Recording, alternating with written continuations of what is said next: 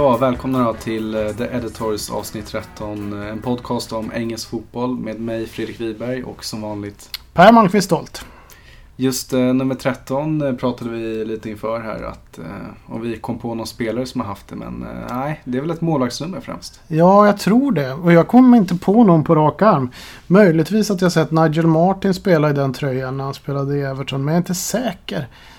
Paul Robinson, kan han spela med 13? Nej, det är svårt. Det är svårt. Jag vet inte ens vem som har nummer 13 i dagens landslag men det är väl Nej. någon, eh, någon målvakt kanske. Men eh, om vi stannar kvar där då så vann ju England mot Malta planenligt. Vart en 2-0 seger. Eh, 25 skott mot mål. Jag vet inte hur många som gick på mål men Mm. det engelska landslaget buades ut och eh, i synnerhet eh, lagkaptenen Wayne Rooney fick några hårda ord på sig. Mm. Ja, det är tufft eh, för dem nu. Eller, eh, jag tycker det är tufft för Wayne Rooney. För visst, eh, han är nog klar i stort sett med engelska landslaget. Eller framförallt, det som händer med Rooney United och i, i landslaget. Det är det att det finns faktiskt bättre spelare på den position han vill vara på. Och det lider han ju av eftersom han kanske inte presterar på den nivå som han bör prestera på. Mm. Det är en sak, men sen att, att ehm, liksom opinionen vänds mot honom. Man hör ju i princip nästan alla tyckare också nu vill, vill att äh, ingen Rooney mer i, i landslaget. Och vad, vad roligt att Rooney petas i United. Det Southgate sa eh, var ju att Rooney är ju en av de killarna som alltid ställer upp. Aldrig fejkar en skada, alltid ger järnet. Och han är ju faktiskt en som spelar med hjärtat. Eh, Så att mm, jag, jag tycker också nog att han har gjort sitt. Framförallt kanske han kan användas som avbytare eller sådär så du får fejda ut lite grann karriären. Men han håller inte. Delali till exempel är mycket bättre. Mm. Nej men som startspelare i det engelska landslaget så, så tycker inte jag heller Rooney ska, ska finnas med i bilden. Däremot var ju Gareth Southgate tidigt ute med att säga att eh, kapten Wayne Rooney att han var en exceptionell ledare. Att han verkligen gillade det han såg av honom. Och just det här på träningsplanen och i omklädningsrummet att han kanske är en bra kille att att snacka med och, och se upp till. Men eh, nu läste jag idag att eh, BBC Sport eh, skriver att eh, Wayne Rooney kommer petas ur elvan mot Slovenien imorgon tisdag. Och eh, det gör man, gör man väl rätt i. Det finns ju exempelvis eh, and, ja, men, bra defensiva mittfältare eh, som bör kunna kliva in istället för honom. Absolut, och det ska bli intressant att se också ett, ett nytt England, om det nu blir så.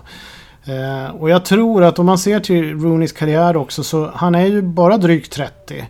Så man kan ju tycka att det är tidigt. Men å andra sidan, han slog igenom så fruktansvärt tidigt. Han var ju typ 16 år när han slog igenom. Alltså vi snackar ju om ett, ett löfte som England inte hade sett på jag vet inte när.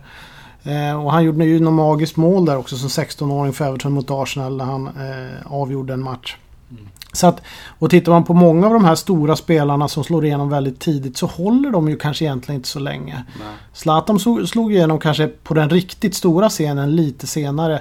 Och han blir ju bara bättre och bättre ju, ju äldre han blir. Så det är lite olika utvecklingskurvor där om man ska jämföra med någon. Så. Ja, men framförallt är det väl svårt eh, som anfallare som Rooney. Väldigt ex explosiv och, Mm. och snabb och tuff när han kom fram. Men nu har inte han snabbheten kvar där och eh, spelet har utvecklats. Försvarsspelarna har blivit bättre. Mm. Att begära att Rooney, om man ska ta en lite försvar här, att begära att han ska hålla på en nivå i 15 år som eh, här uppe liksom. Det, det kanske är att tro för mycket. Det tror jag också. Sen finns det en grej till med Rooney som jag ofta har hakat upp mig på. När han slog igenom, när han var som bäst, då hade han den där galna aggressiviteten kombinerat med en snabbhet som var helt fenomenal. Det var någon som beskrev honom i Everton tidigt som like Alan Shearer but with a rocket up his ass. Och han, han hade det där. Och ju mer, ju äldre han har blivit så har snabbheten och aggressiviteten dämpats lite. Och då är han inte lika bra. Och sen tycker jag faktiskt att Rooney ska inte spela som en nummer 10. Han ska spela längst fram. Och det var också lite en allmän syn när han, när han liksom slog igenom att Rooney ska spela längst fram. Det är där han är som bäst. Men då ska det också vara den lite piggare Rooney än vad det är nu. Men återigen, vi, vi ser ju det i andra ligor. Vi har Francesco Totti i Mm. Roma som ett ganska färskt exempel. Att det är väldigt svårt som tränare och lag att fasa ut de här spelarna på ett rätt sätt. Jag vet inte om det finns någon eh, spelare som har fått eh, ett värdigt avslut egentligen. Utan det slutar ganska tvärt. Och det brukar göra det. Idrotten kan vara hård på det sättet Ja. faktiskt. Men jag tycker ändå man... spelare ska inte leva på gamla meriter men jag, jag tycker ändå att det engelska folket eh, bör behandla Wayne Rooney på, på ett mer eh, värdigt sätt. Det är ju lätt för mig som svensk att sitta här och säga. Jag hade kanske blivit galen om Johan Elmander var kvar i Mm. det svenska landslaget än idag. Men, eh, men ändå. i- Gjort flest mål för England, gjort flest landskamper. Har varit en väldigt avgörande spelare under väldigt många år. Så att, nu har ju han sagt att hans slutmål är Ryssland 2018. Att han vill ta England Mm. ut och göra sin Mm. sista turnering där. Ja, sen får vi se under vilka former det blir då. Ja, det får vi se. Nej, hans CV är ju outstanding jämfört med många, många andra. Så det ska man ha respekt för tycker jag. Mm. Men nu är ju landslag, Englands landslag eh, och landslagsveckan är ju på väg att avslutas. Jag vet att du ska se på match ikväll. Ja, jag ska ju till Friends Arena och eh, se på det här svenska landslaget mot Bulgarien då. Så att det känns väl trevligt att komma iväg på, på en landskamp även om biljettpriset kanske är lite högt. Men eh, ja, det, det väl kul att se live-fotboll framförallt. Får se hur många det blir också. Det kanske inte blir sådär rasande många, men vi får nej, se. Nej. Men man, eh, man, ska, man ska stå upp för, för sitt land tycker jag. Mm, Och, det är sant. och gå och se på dem när man kan. Eh, Men- Men, men med det sagt, det känns ju ganska skönt att eh, det har varit en lång vecka. Ja. Och nu, den här helgen har varit väldigt annorlunda. Man har ju nästan inte vetat vad man ska göra. Man har slagit på TVn och så ingen fotboll. Nej. Mm. Nej, det har man saknat och nu kan vi börja ladda och då har vi ju faktiskt eh, The Championship Mm. framför oss och även Premier League. Men lite The Championship, ska vi gå in på det? Ja, nej men det, det, det är ju en liga som, eh, som jag följer ganska nära. Och eh, som sagt, Huddersfield Town är topp, 25 poäng. Eh, väldigt oväntat men Tysken eh, David Wagner har ju verkligen fått igång ett eh, stabilt lag där uppe i Yorkshire. Och det, är- det är ganska häftigt att The Terriers är med i toppen. Som vi snackade om för några avsnitt sedan Mm. så, så hade de väl bara en sejour eller två i, i den högsta toppen. Då hette det ju inte Premier League men det, de har varit i the first division så att säga. Ja, det har de varit. Eh, när de var som bäst faktiskt, det var ju på 20-talet och då var de nog bäst i England. Jag vet Mm. att eh, under hela 20-talet då leddes de av en manager som heter Herbert Chapman. Han blev mer känd för att eh, vara kanske den första riktiga manager som förde Arsenal till stordåd på 30-talet. Slutet av 20-talet, början av 30-talet. Men innan det hade han eh, Huddersfield. Och de var ju helt fenomenala. Jag tror de har tre eller fyra ligasegrar under den här perioden. Och de var nästan alltid som sämst trea. De Mm. har en fa Cup-seger också sedan den perioden. Men nu är det ett lag som i alla fall håller på att glömmas bort. Framförallt Ja. här i Sverige Ja. och kanske i England också. Jag vet inte riktigt vad de har för stämpel där borta. Ja, men det är ett klassiskt lag. Jag vet att det, det som man, det, när man... Bill Shankly som tog över Liverpool på 60-talet och förde dem till storhet. Han tränade Huddersfield innan. Och där, han bes, man beskrev rätt bra vad som hände där. I staden Liverpool, där, där är fotboll en religion. Det är helt galet. Vi, vi- oavsett vart du gick så fick han prata fotboll, vilket han gillade. I Huddersfield var det inte alls samma sak. Visst, de hade ett klassiskt lag. Men de Men har man- rugby där borta. Man har rugby och man andades inte fotboll på samma, sak, på samma sätt som man gör, har gjort liksom traditionellt i Liverpool. Så att det är lite lugnare tror jag i Huddersfield på det sättet. Ja, jag har ju själv varit där. Jag har ju varit på Mm. läktaren och varit i stan. Och Mm. Det är ganska fint när man kommer ut dit. Man tar tåget och så kliver man av i Huddersfield. Ganska fin eh, station och man ser höga kullar. Och känns som att vara, jag vet inte, Nya Zeeland kanske. När man har sett lite från eh, Sagan om ringen-filmerna liksom. Fylke. Ja okej, ja men det kan jag tänka om Fylke. Så att, eh, och får som går och betar. Och, Ja. nej, vad de nu gör. Jag vet inte. Det är, det är lantligt och gemytligt i alla fall. Ja, det- Den engelska landsbygden i sitt esse. När den är som bäst. Ja, när den är som bäst. Ja, ja jag, jag har inte varit, jag har åkt förbi Även. Burnley eh, påminner om, eh, om Mm. det där. Det är ju Lancashire. Men Ja, Lancashire. Yorkshire och Lancashire, det är, det är fina, fina landskap. Ja, det är rätt lika. Jag åkte mycket, kuskade runt med tåg där mycket men man, inte, jag har inte varit och sett Burnley och jag har inte sett Huddersfield. Det borde jag ska, göra. jag ska se Huddersfield eh, nu i månadsskiftet. Mm. Fast då är det Fulham på Craven Cottage som tar emot Huddersfield. Det ska bli väldigt Ja, då intressant. får du verkligen ge din analys eh, om, Ja. om de är i toppen för att stanna. Ja, vi får se. Jag är väldigt nyfiken. Men om vi rör oss lite längre ner i landet då. Nu agerar jag meteorolog här i, i podd, podden. Men Midlands, som vi känner till, vi har väldigt många klassiska lag där. Plats 18, Nottingham Forest. Mm. Plats 19, Aston Villa. Plats 20, Derby County. Det här är liksom tre klubbar, tre klassiska klubbar. Som är ju helt fel ända av tabellen. De ska ju vara där Mm. uppe. Ja, framförallt är det väldigt ovant att se Aston Villa där. För Aston Villa kan man ju rä- räkna med ena handens fingrar tror jag. När de har varit utanför högsta divisionen. Och då var de ändå med och startade ligan 1888. Men jag visste att de skulle få problem när de ramlade ur. För det såg inte bra ut i Premier League. Och vi har sett Ja. det så många gånger att de här klubbarna som åker ner och man ska bygga om laget, man ska bygga om klubben lite. Man kanske rör om lite för mycket helt enkelt. Och då, det blir svårt att studsa upp. Och kommer man från en säsong med hur många förluster som helst. Då är det, ju- det är klart att det blir svårt att få upp en vi- vinsttrend. Liksom. Det tror jag med. Så i deras fall så handlar allt om att stabilisera den här säsongen. De får verkligen inte ge, klappa igenom totalt som Absolut Wolverhampton inte. gjorde Nej. som rasade två divisioner Nej. i rad. Det Och det är rätt lätt. Manchester City har också gjort det en gång. De har också rasat. Så att det, är det, det måste vara liksom fokus att eh, etablera sig i andra divisionen, i the Championship.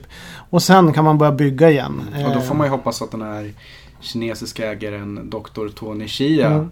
förstår. Nu har han äh, agerat här. Han tog bort eh, Roberto De, Robert Di Matteo. Di Matteo. Mm. Ja, Di Matteo fick gå och Mm. eh, nu spekuleras det om att Steve Bruce är eh, nära jobbet där på Villa Park. Eh, vad tror du om det?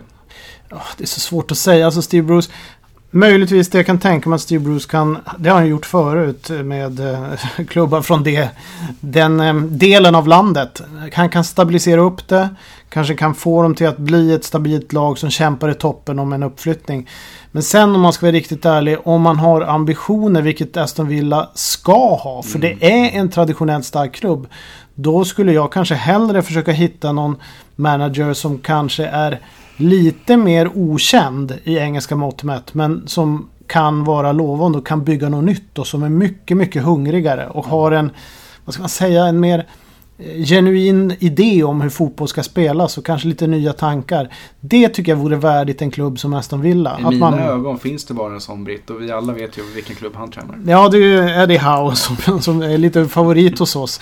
Men han är ju väldigt, alltså Eddie Howe vet ju att han tar mycket influenser utifrån. Eh, Men vi, en sån André Villas Boas, han sitter väl utan uppdrag? Ja. Plocka in honom kanske? Ja, varför inte? Alltså någonting nytt. Någonting som man kan bygga på. Så man kan ha en liten fotbollsfilosofi man runt. testade den här fransmannen som fick eh, Ja, det var ett... omöjligt uppdrag. Ja, stackarn. Ja, det är svårt. Det var ju länge så också Och Tim. Sherwood Ja. eh, hade en bra vår va, men sen jag, såg, man såg ganska tydligt att Sherwood inte, att, jag kände i alla fall att det, det var fel att ha honom där för länge. Alltså. Det tror jag också. Sen är ju Aston Villa är ju får man säga lite av samma självmordsuppdrag som kanske Sunderland är. Mm. Det, är det är svårt att vända där. Så att det gäller att ta sig ner. Inte åka ur en division till. Stabilisera och så börja bygga någonting helt annat än, än det man har haft tidigare. Ska man vädja att eh, Martin O'Neill ska komma tillbaka? Martin O'Neill var ju faktiskt väldigt framgångsrik som Aston Villa-manager. Han, Han var ju riktigt ju bra. nästan, det var ju, de kunde ju aspirerat mot topp 4 där ju. Det, det, Så och det var väl... ut. James Milner, Ashley Young. Vad Yes. fina spelare de hade på den tiden. Ja, och det var ju så att han och Randy Lerner eh, rök ihop därför att de hade olika syn på hur klubben skulle utvecklas. Så jag antar då att Martin O'Neill ville ha betydligt mer pengar än vad Randy Lerner kunde erbjuda honom. Och då drog Martin O'Neill. Och då kan man ju se, man kan se det ur två perspektiv. En del tyckte att det var lite egoistiskt av Martin O'Neill. Eh, Medan andra tyckte att det var en signal att Aston Villa inte satsar. Och det som har hänt efter det, det är att det har gått ut för sakta men säkert. Och på slutet gick det rätt fort tyvärr. Mm. Och Vi har det, ju sett, eh, nu ska man inte dra alla över en kam här, men just de här asiatiska influenserna i Premier League eller i engelsk fotboll överlag. Vi har sett i Cardiff vad som hände där. Blackburn, nu var han indier, väs- visserligen Venkis, men, mm. men det, är inte, det är inte alls bra att... Jag vet inte. Det finns ju en sån här gyllene regel. Det är att man får inte hamna på fel sida om fansen och klubbens mm. kärnvärden. Vil- Vilket man ju i Cardiff får ju. Men, men han verkar ju inte riktigt... Eh, han verkar inte riktigt ha koll på de delarna. Och var inte intresserad heller av de delarna tror jag. Men så att det får man aldrig hamna i de här traditionsrika klubbarna. Om du kan hantera det. Då kan du sen tror jag göra rätt mycket i förändring. Som det kan behövas hos många av de här klubbarna. Men, man, man, man, Aston Villa satsade ändå inför säsongen. Exempelvis köpte man in fjolårets skyttekung i The Championship, Ross McCormack, för Mm. stora pengar. Och, eh, jag menar, ser man till den trupp Aston Villa har så ska de ju självklart ligga på topp 6-placeringarna. Och vi, Newcastle inledde ju lite svajet men har ju nu kommit igång och, och är ligger där uppe. Så att, ja, Newcastle, jag tittade på dem och jag tittade på deras form nu. Den är ju helt sanslöst mm. bra. Jag tittade också på sådana här performance ratings på olika spelare och det är nästan bara Newcastle-spelare uppe i toppen i, i The Championship. Det är någon från Brighton och så vidare men det är mm. väldigt mycket Newcastle-spelare. Så att eh, Benitez har ju någonting på gång här. Jag, mm.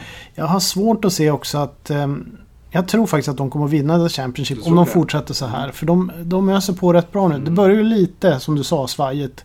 Norwich tror jag kommer att hålla i hela vägen också. Ja, bra det kanske blir de två.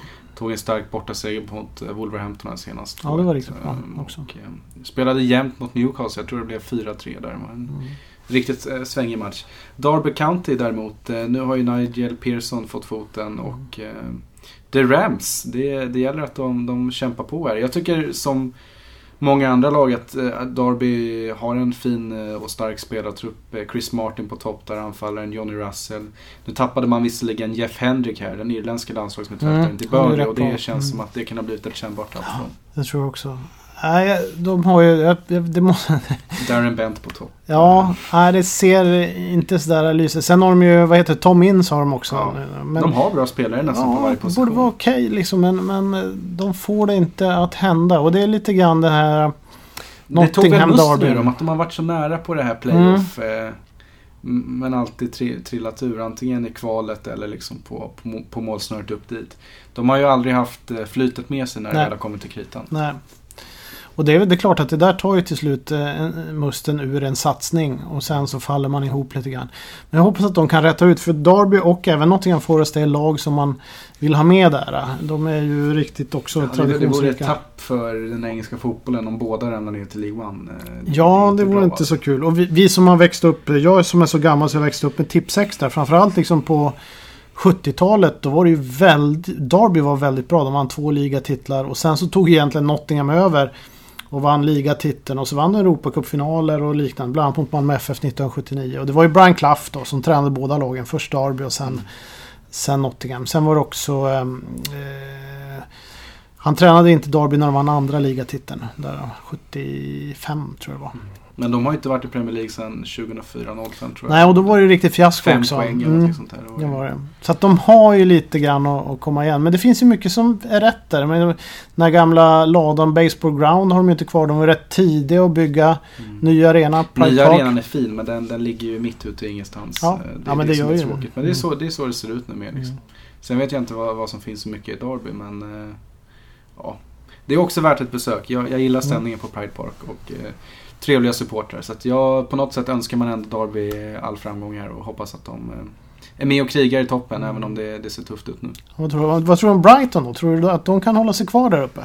Ja, det, det, det borde de väl kunna göra. Det, återigen, ett lag med många profiler, bland annat den israeliska landslagsforwarden Tomer Hemed eh, som eh, gjorde väldigt många fina mål förra säsongen och um, har haft en ganska bra säsong i år också.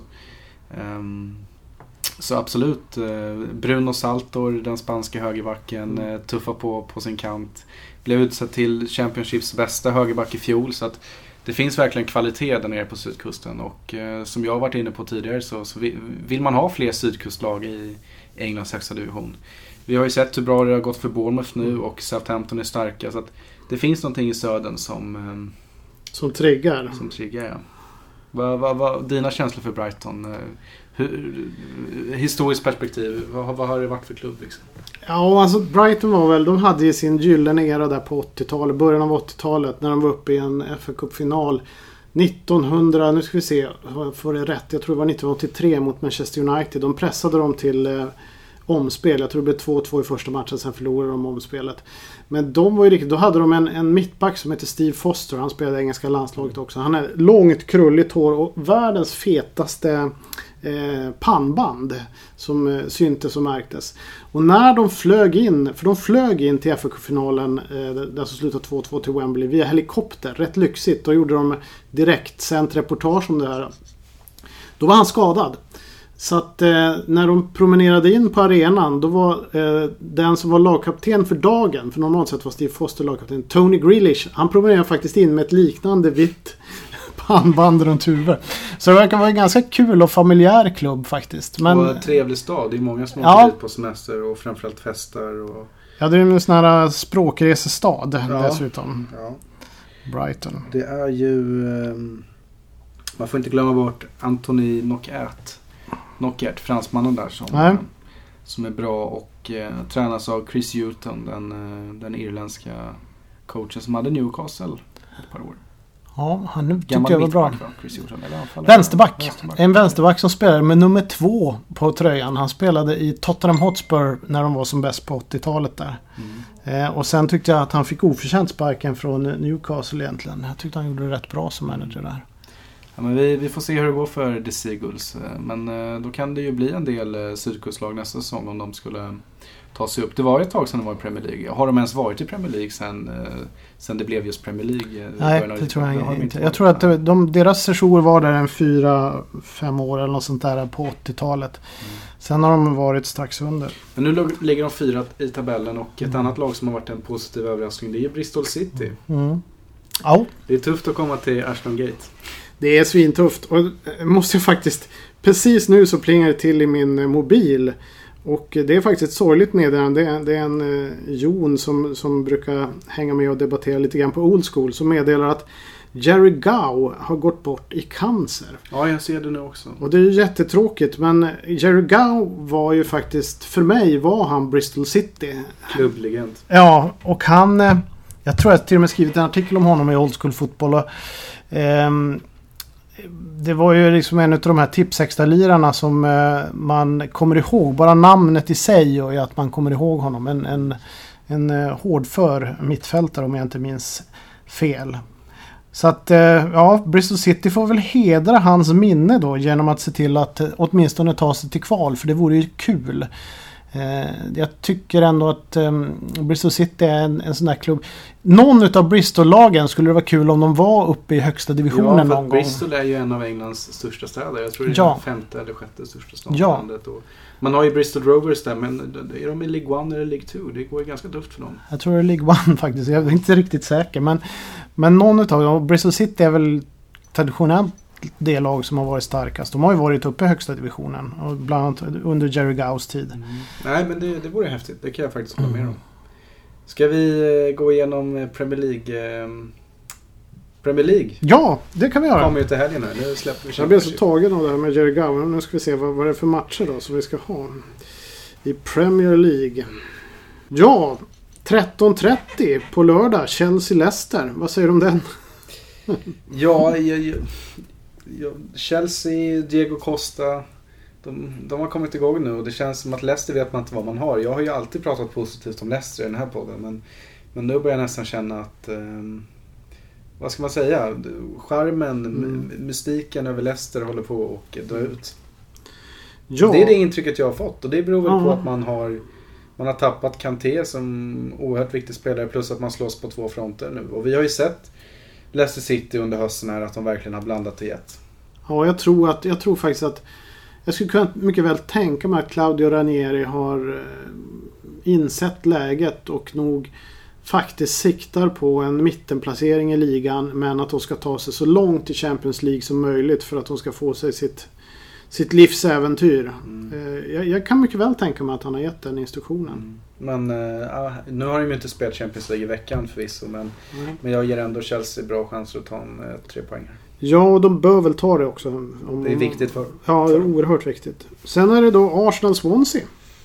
Mm. Swansea, eh, vi nämnde ju Mm. aldrig att eh, Bob Bradley har tagit över Svanen. Nej, jag. kom på det när vi lyssnade igenom förra avsnittet. Mm. Men vi var ju så inne på att Goodelin, att han var den Mm. manager i Premier League som fick gå först. Så Mm. att, eh, ja, men den klassiska manager-effekten. Mm. Jag läste ju dock att många Swansea-supporters är inte alls nöjda med, med Bob Bradley. Att man, de har tydligen amerikanska ägare där nere, Swansea. Och uh, att det, det var ett sånt um, val man gjorde. Att man tog in Bradley. Att det, ja, Mm. försöker skylla på det. Ja, Ibland kan det ju också vara, tycker jag, så att när det är ett namn som man inte riktigt känner igen så, så är man negativ inledningsvis. Jag gör ju det för att jag har ändå, jag gillar det amerikanska landslaget. Eh, Mycket på grund av Landon Donovan och Clint Dempsey och så här, skön, oh ja, sköna profiler att följa. Tim Howard. Så, och där tycker jag ändå Bob Bradley gjorde många bra år. Så jag tycker det är ett intressant val av Swansea. Jag tror också det är ett intressant val.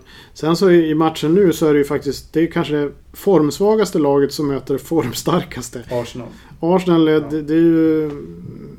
Ja, de ska ju vinna här Arsenal. Eller så blir det en sån här um, dag när Arsenal fallerar och uh, Swansea med inspiration av ny manager tar åtminstone en poäng.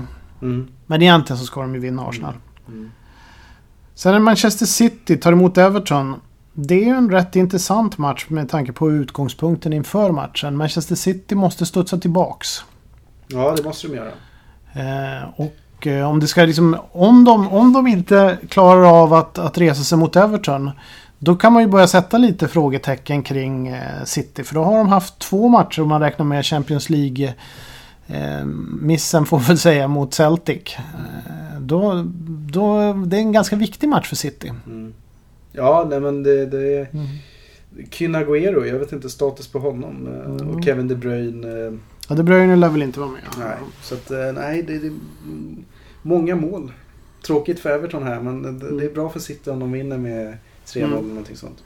Och Everton har väl egentligen ingenting att förlora, men det är återigen om de gör en bra match här då, då är det ju också en liten uppstuds. Ja, det finns ju kapacitet verkligen ja. för Everton att kunna göra ett resultat här ändå. Mm. Jag måste ändå flika in här på Swansea. Jag, jag läste någonstans mm. att det var amerikanskt eh, inflytande där men men det är ju Hugh Jenkins och han är ju walesare som äger klubben. Ja, inte... Men det, det, är något amerikanskt i Swansea tror jag i alla fall. Kanske är det. De prövar lite nytt. ja, någon influens tror jag finns. Men Manchester City lär väl ta den här matchen mot Everton kanske. Ja. det bör de göra om det ska vara deras eh, utmaning. Men en var, varningens finger för Lukaku. Han kan göra mål mot vilket lag som helst. Mm, han är i form. Han har gjort mål de, jag vet inte, i princip de, ganska många matcher på raken nu faktiskt. Stoke, Sunderland. Här har vi, vi gillar ju att prata ångestmatcher. Och här har vi, här är liksom osade ångest. Oj, oj, oj, det blir bara värre och värre. ja, gissat. Ska vi, ska vi spika krysset? Ja, tur. För alltså de, de kommer ju... Jag tror inte Moyes kommer vinna, vinna i alla fall. Nej, men... Stoke får ju faktiskt ta och stänga till här. Och kanske att det blir eh, Joe Allen som petar in ett mm. mål till här och att Stoke vinner på, på något konstigt sätt. Mm. För de, de är ändå ganska tuffa hemma på Britannia Stadium. De är rätt tuffa att tas med. Sen måste man ju erkänna, jag vet att jag har... Jag snackade lite grann om Joe Allen inför säsongen och så vidare. Han har ju faktiskt varit rätt bra. Mm. Eh, och han blir bara bättre och bättre. Mm. Så där har de en, en kille som är den mittfältsmotor de har saknat. Och om man tittar till förra matchen i alla fall mot Manchester United så rätade de upp försvaret i alla fall. Så kan de bara rätta upp försvaret ordentligt. Vi vet ju att det finns offensiv kraft. Vi har ja, Arnautovic, Shaqiri, Bojan Kirkic. Ja, eh. då tror jag de fixar resten. Men det här är en typisk oavgjord. Wilfred Boni för nya anfallaren här. Men det, det är en typ, jag vet inte typiskt. Jermaine Defoe kan ju inte sluta göra mål. Nej. Och eh, Sunderland kommer ju kämpa på knäna. Ja, de kommer ju släppa in mål. De, de kommer ju, det kommer de göra. Sunderland, eh, jag vågar säga så här. Sunderland kommer inte hålla nollan under säsongen. Nej, så pass? Ja, jag tror faktiskt att det, det ser riktigt ihåligt ut. Ja, det är rätt dåligt i och för sig. Det, det har du rätt i. Men de kämpar i alla fall, det gör de. Men de är ju för dåliga. Det, det är det som är, de har för dåliga spelare. Men antingen en oavgjord eller så Stoke vinst skulle jag vilja säga. Jag tror inte Sunderland lyckas ta det här. Sen har vi ju, apropå Brighton, Bournemouth. Mot Hull City. Detta Hull som mm. chockar oss alla. Mm under sensommarvärmen här i augusti. Men eh, nu är ju magin slut. Man ser att truppen är tunn, att den inte riktigt håller. Så mm. Kommer Bournemouth upp i 75% så ska de kunna ta det här. De ska kunna ta det. Och Bournemouth tycker jag har eh, tagit de steg man förväntar sig att de ska ta. De hade tuffa matcher inledningsvis. De överlevde hyfsat. och sen har de liksom börjat mm. ta poäng nu. Och det, och det jag gillar med Bournemouth och framförallt Eddie Howe är att han det känns som att han verkligen, han har, det ska ju varje tränare ha, men han har verkligen en plan för varje match. Mm. Han skulle aldrig underskatta ett motstånd och han formerar alltid sitt lag efter dess förutsättningar. Både på hur det ser ut hos dem men mm. även hos det andra laget. Så han, han har verkligen alla kvaliteter. De sitter på, på ett riktigt guldkorn där. Det gör de. Så att, eh, men, men det här tror jag... vad säger vi? Bournemouth tar det va? Ja, enkel seger för Bournemouth. West Bromwich tar emot Tottenham Hotspur. Mm. Fortsätter segertåget för Pochettino Spurs? Ja, det vet man ju inte. Det, jag tror att det gör det. Alltså, jag, West Bromwich är inte... De har Rondon. Eh, men, men de är inte sådär jätte jättestarka ändå. De matcherna där de tar sina poäng eller när de vinner. Det är oftast mot motstånd som är på samma nivå eller sämre. Strax under. Ja, det är sällan de, de gör resultat. Det kan ju hända då och då. Att de gör ett bra resultat mot topplagen. Men Mm. Nej, jag- tror inte West Brom vinner. Men däremot, eh, krysset ska man inte räkna bort här. Nej, det ska man inte. Det kommer att bli tufft för Tottenham. De kommer att få springa mycket och det kommer att regna. När West Brom får chansen så kommer de att skicka in bollar i, i, i Mm. straffområdet. Och, och då... Det här hyllade Tottenham mittförsvaret kommer ju då att få eh, kämpa lite grann. För det Mm. är inte så jäkla lätt när det börjar regna in bollar i, i, i eget straffområde. Jag, jag trodde du menade vädret här, att det kommer regna Ja, det kommer det säkert också göra. I West Bromwich. Det här är West Bromwich. Alltså det är ju tvärt emot det West Bromwich jag växte upp med. Det var ju slutet av 70-talet när de spelade magisk fotboll med spelare som den här yttern Laurie Cunningham och Cyril Regis, centerforwarden och Brian Robson innan han gick till Manchester United spelade där. Ja. Det var magiska lirare. Sen när Laurie Cunningham flyttade till, Manchester, eh, till eh, Real Madrid. Mm. Då kom det ju en annan ytter som hette Peter Barnes in. Det var ju bara lirare i det gänget. Ja. Crystal Palace West Ham då? Oj, spännande. Mm. Eh, London-derby där faktiskt, det trodde inte jag jag skulle våga säga eller, i den här podden. Men där Crystal Palace är det starkare laget för Ja. dagen. Mycket bättre får man väl säga till och med. Ja, Underligt eh, fotbollen ibland. Alltså. Punchen och Benteke kan eh, leka med West Ham känns det som. Men man vet aldrig. West Ham kan så mycket, mycket mer. Men hittills så har de sett väldigt tama. Det är egentligen bara Antonios mål och eh, Payets spel stundtal som har De tog en poäng sist mot Middlesbrough, men det, det skulle ju varit tre. Det skulle ha varit tre. Och eh, frågan är hur man kan klara sig mot ett formstarkt Ja, Crystal det det. Palace. Jag menar, Crystal Palace har ju självförtroende och vi, vi, vi alla vet ju hur Crystal Palace i ett självförtroende ser Ja. ut. Vi har ju sett det så många år nu att när det går bra så går det bra. Men det enda vi vet är att det tar slut. Eh, och Ja. frågan om det gör det mot West Ham hemma eller om de kör ytterligare en eller två matcher. Det, det får vi väl se. Mm. Jag tror att West Ham får det svårt. Det, det måste hända någonting i West Ham. Och skulle West Ham förlora här. Återigen blir det rätt darrigt för Slaven Bilic. Bilic. Det, Ja. det är dags nu. Det blir, då, då blir det svårt för honom. Söndagen. Där har vi Middlesbrough mot Watford. Som inleder 14.30 svensk tid.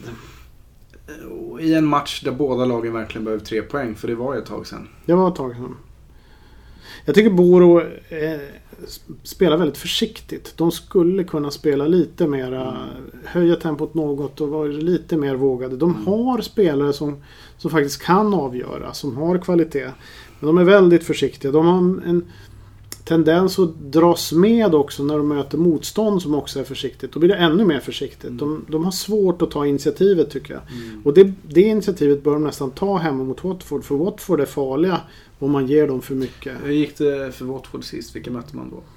Ja, vilka möter man då? Det Man var mötte... hemmaplan. och De, jag kan jag kolla här. ja, kolla upp det. För det, det, det, var, det var en match där, där jag ändå blev imponerad på något sätt. För att Watford de hade gjort en tafatt insats mot Burnley borta. Man kände att nu, nu får de ta och rycka upp sig och det, det gjorde man ju. 2-2 hemma mot Bournemouth. Precis. eh. Så att, Så nej, men jag vet inte vad man har Watford den här säsongen. Eh, Det, det, det är jättesvårt. Jag har varit eh, djupt imponerad av eh, The Hornets i fjol. Mm. Och man har ju fått behålla, behålla samma spelare. Och det problemet är att man tog in en ny tränare med ett nytt tänk. Då, då blir det ju... Ja. Så Jag förstår ju... inte varför Kick och Flores inte fick fortsätta. Jag tycker han Nej, borde, jag tycker också det. han Han borde ha hållit kvar i honom. Ja, faktiskt. Han, det var så jäkla farligt var inte tappet i, i, i fjol tycker Nej. jag. Ehm, Men jag, jag vet inte. Jag, jag känner mig inte alls tillfreds med Middlesbrough i dagsläget. Så jag, jag skulle nog hellre gå på, på en Watford-seger här. ja, jag tror också på Watford. Jag tror att de har, de har helt enkelt, de är lite vassare. Mm. Eh, Southampton Burnley då? Ja, Starka Southampton. Starka. Southampton och starka Burnley får man säga. Mm.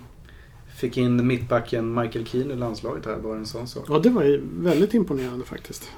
Eh, och, och, ja, men man, man stod emot länge mot Arsenal. Mm. Och, och har slagit Liverpool hemma. Mm. Eh, sen på bortaplan har man ju inte varit bra. Burnley. Nej. Så att, eh, jag, jag, och Dusan Tadic, superform. Både i klubblag och landslag. Mm. eh, Så han kan bli en avgörande nyckel för Southampton här. Shane Long, också het, eh, gjort mål i, i Mm. Irland nu. I landslaget och så har man Charlie Austin. Så jag menar det finns, eh, finns bra spelare och de, de är i form Southampton. Tadic är ju en mäktig form tycker jag. Jag skulle vilja säga att han är en av de fem bästa mittfältarna i Premier League just nu. Som han spelar. Och kanske nästan vilja sticka upp med att säga topp 15 i Europa i alla fall. Ja, Dagsform. ja, han är, jag var inne och tittade också. Jag, återigen så här performance-siffror. Mm.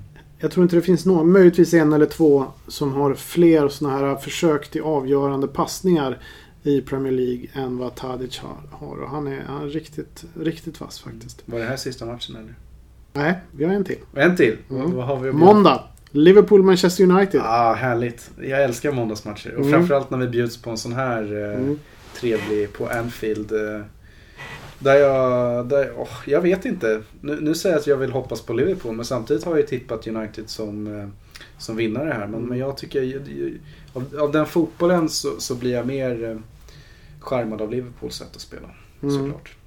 Ja, det, är ju, det här är ju lite fotbollsgodis. Speciellt med tanke på hur de det båda litet lagen är också, i... även om det inte är samma stad Nej. så är de ju väldigt nära varandra rent geografiskt. Ja, de tycker inte alls om varandra. Nej. Och, ehm, det, men framförallt tycker jag att det är fascinerande sett hur vilken formkurva båda lagen har. Och eh, att Liverpool nu spelar som fantastisk fotboll med Coutinho i spetsen. Och Manchester United är lite grann blandar och De ger. är for- fortfarande tröga. Man kan inte, visst, det lossnade mot eh, eh, Leicester. Mm, Men, men det var en match. en match. En Så match av tio liksom. De har ju verkligen inte imponerat eh, den här säsongen. Men det är någon match som Zlatan Ibrahimovic ska kliva fram så är det ju här. För en, skulle han ju kunna avgöra en sån här match då ger det enorm boost för Manchester United framöver. Och all respekt till Liverpools backlinje men eh, Klavan och eh, Matip i mittlåset och så har man Milner som vänsterback. Det ska ju inte vara, vara någon match för Zlatan egentligen men Mm. man vet ju inte. Jag, vill säga, jag skulle vilja säga att den är rätt ovis. Även om sett till formen så ska ju Liverpool kanske vinna det här. Men Mm. Det är ju inte alltid man kan resonera så. Och spännande möte. The normal one mot eh, the special one. Ja, exakt. eh, På sidlinjen. Det är ganska härligt uttalande. The normal one. Jag gillar det skarpt. Eh, Han är inte normal. Jag tycker inte Jürgen Klopp Nej, inte på något sätt. Men det, ja, det var kul att han tog på sig det. Retoriskt begåvat. Mm. Ja, det var Premier League-omgången som komma skall nu när vi äntligen kan göra avslut på den här eh, Det känns så långt ifrån. VM-kvalhelgen. Det, det, det, det, är liksom, det ska spelas Ja, matcher imorgon tisdag och sex dagar till, eh, till lördag liksom. Det, det känns Ja. som en evighet. Ja, det blir det. Men nu Det är är ju vi som ett litet redan. barn. Man sitter och dagen innan julafton. Ja, och man tycker väl att man ska kunna klara en och en halv vecka. Eller ja, det blir nästan två. Men, eh, eller det blir två veckor. Men eh, Nej, vi gör det är inte svårt. Jag tycker det är svårt. Det var Ja. trist i helgen. Det är bara att Ja, det var konstatera. riktigt trist helg. Men eh, nu är det ny vecka, nya tag, måndag. Det är... eh, Premier League är här igen och den, den kommer väl stanna hos oss ett tag till. Det gör vi. Så vi får väl ta och eh, stänga ner där och så hörs vi väl nästa vecka. Ja, det gör vi. Det, fortsätt gärna lyssna och eh, som sagt, iTunes och svenska fans, det finns där. Och nu har jag har inte fått några mail. Jag vet inte om du har fått det heller. Så att Nej. Vi säger väl rätt saker helt enkelt. Kanske det. så är det inte så många som kollar. Jo, men vi vet att det är ett antal som kollar och det tycker vi är, vi är jätteglada över att vi har eh, lyssnare. Så att eh, vi fortsätter att snacka fotboll. Men till dess så får vi väl höras nästa måndag. Absolut. Hej. Ha det bra!